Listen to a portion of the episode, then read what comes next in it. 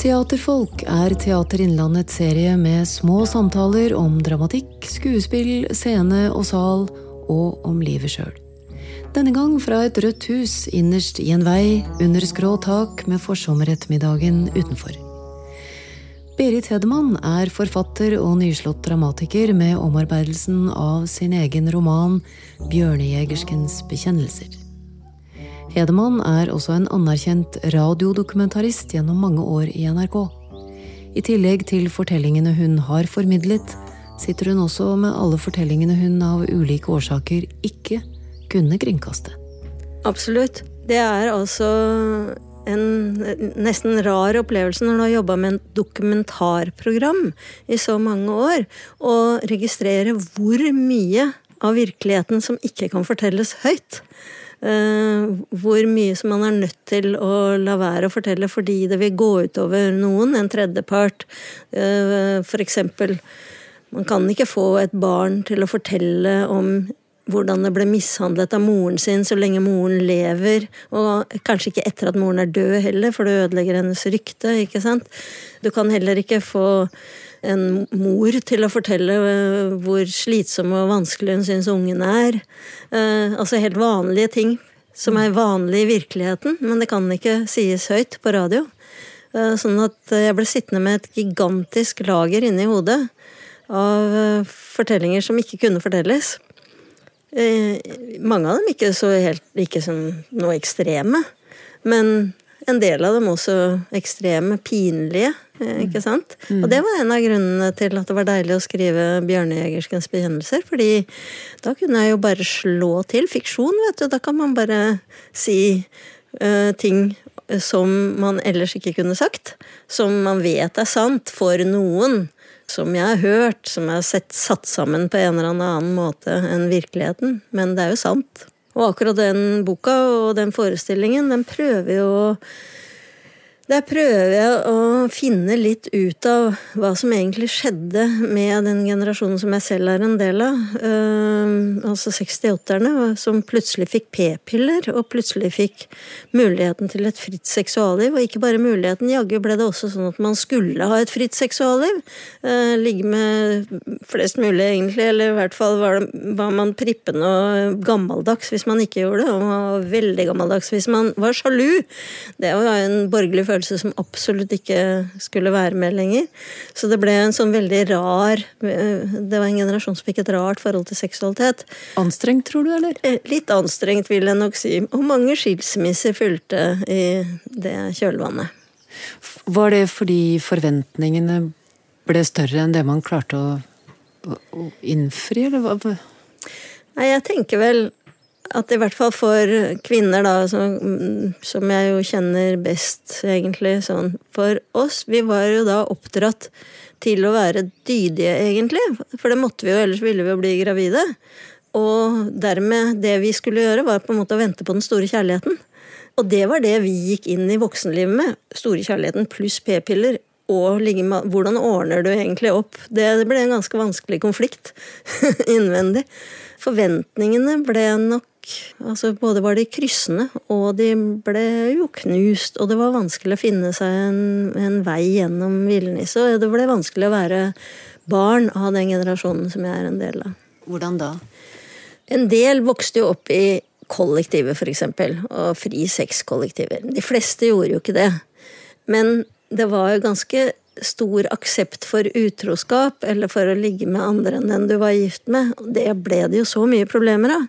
Og dette fikk jo de barna på en måte se på nært hold, og fikk svi for.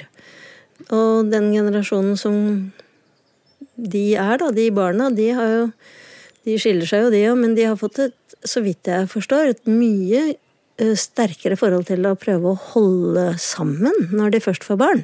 Mm. Fordi de er vel litt sånn brente barn.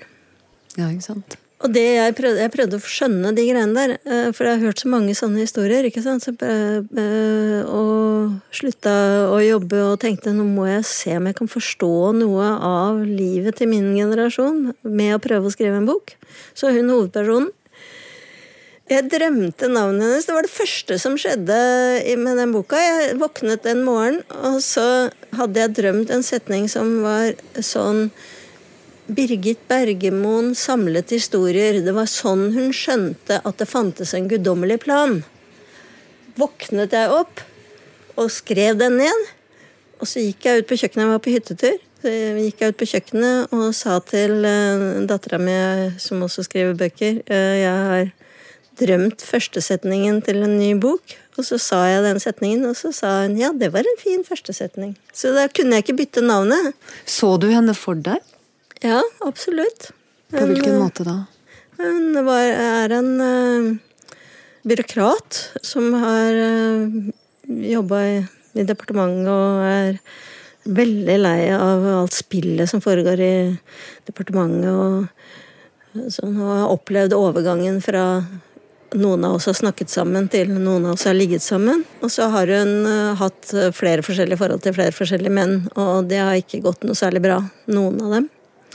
Uh, så hun er lei av menn, så drar hun opp på bygda hvor familien hennes kom fra, til en ødegård der, og så Og der blir hun overfalt egentlig av tankene om hvordan hun har levd. Mm. Hva hun selv har sveket, hvem hun har sveket, osv.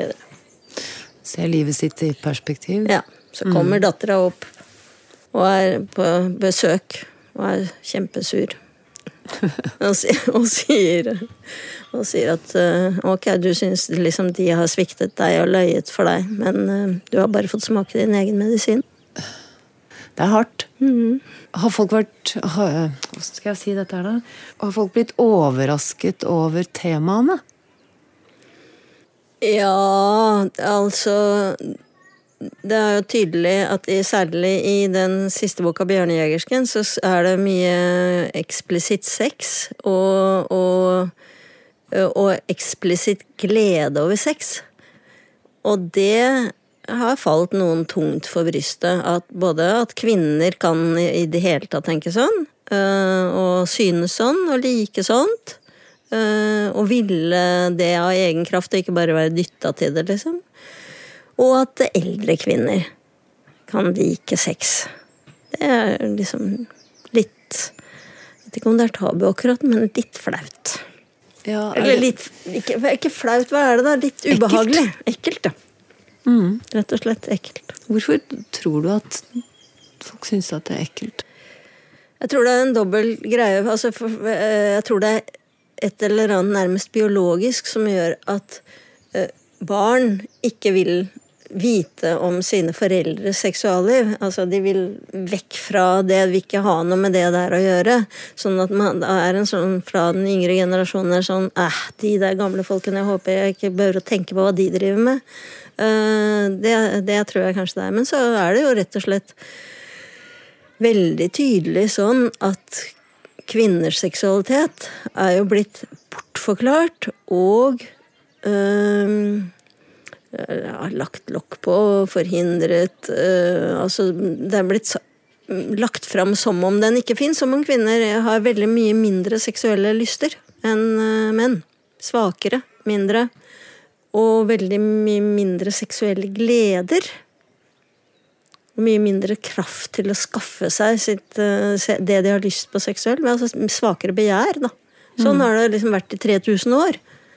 Man kan se når det begynner for 3000 år siden, når det begynner akkurat det der, der at eh, Nei, det er ikke kvinner som har seksualitet, det er menn som har seksualitet. Kvinner blir til menns eiendom. På linje med oksen og asen og alt det andre som du ikke skal begjære som en mann har. Eh, men det er jo ikke sånn. Alle kvinner vet og har visst i alle de 3000 årene at det er ikke egentlig sånn. Det er sånn at kvinner har en sterk seksualitet, bare den må være hemmelig. Det er jo derfor man må omskjære kvinner, for å få kontroll på de greiene der. Det er åpenbart det, at eh, det som skjedde, var at kvinner kom ut i den seksuelle frigjøringen med en hel mengde indre bånd mm. og stengsler. Mm. Mens mennene da Oi, her går det an å ligge rundt uten å uh, ta ansvar for noen ting. Det kommer ingen barn, så det er kjempefint, liksom. Det var Cohen har sagt noe sånn flott om det, jeg husker ikke akkurat den formuleringen, men han har sagt at han var så glad og fornøyd med at han levde i en tid hvor han kunne ligge med kvinner uten å få noen konsekvenser. Ja, det kan jeg tenke meg. Ja. men det var ikke like lett for kvinnene, for vi hadde en annen virkelighet inni oss, den der type store kjærligheten. Hva har du savnet mest i denne tida her? Og jeg har, jeg har, fått barnebarn i den tida her, så jeg har savna veldig å få lov å holde en liten uh, ny baby som jeg er veldig glad i på altfor stor avstand. Så jeg, jeg har savna å være sammen med, med, barnebarna mine og døtrene mine.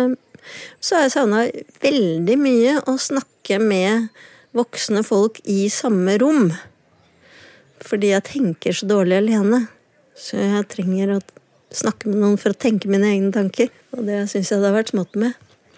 Jeg har faktisk snakket på telefon og på Skype, men det er ikke akkurat det samme. Nei, og vi kan være så digitale vi vil, men du er jo skrivende, lydleverende, sånn at du kan fortsatt arbeide. Ja, og det har jeg gjort. Det har vært bra for konsentrasjonen, men det er jo en ensom ting.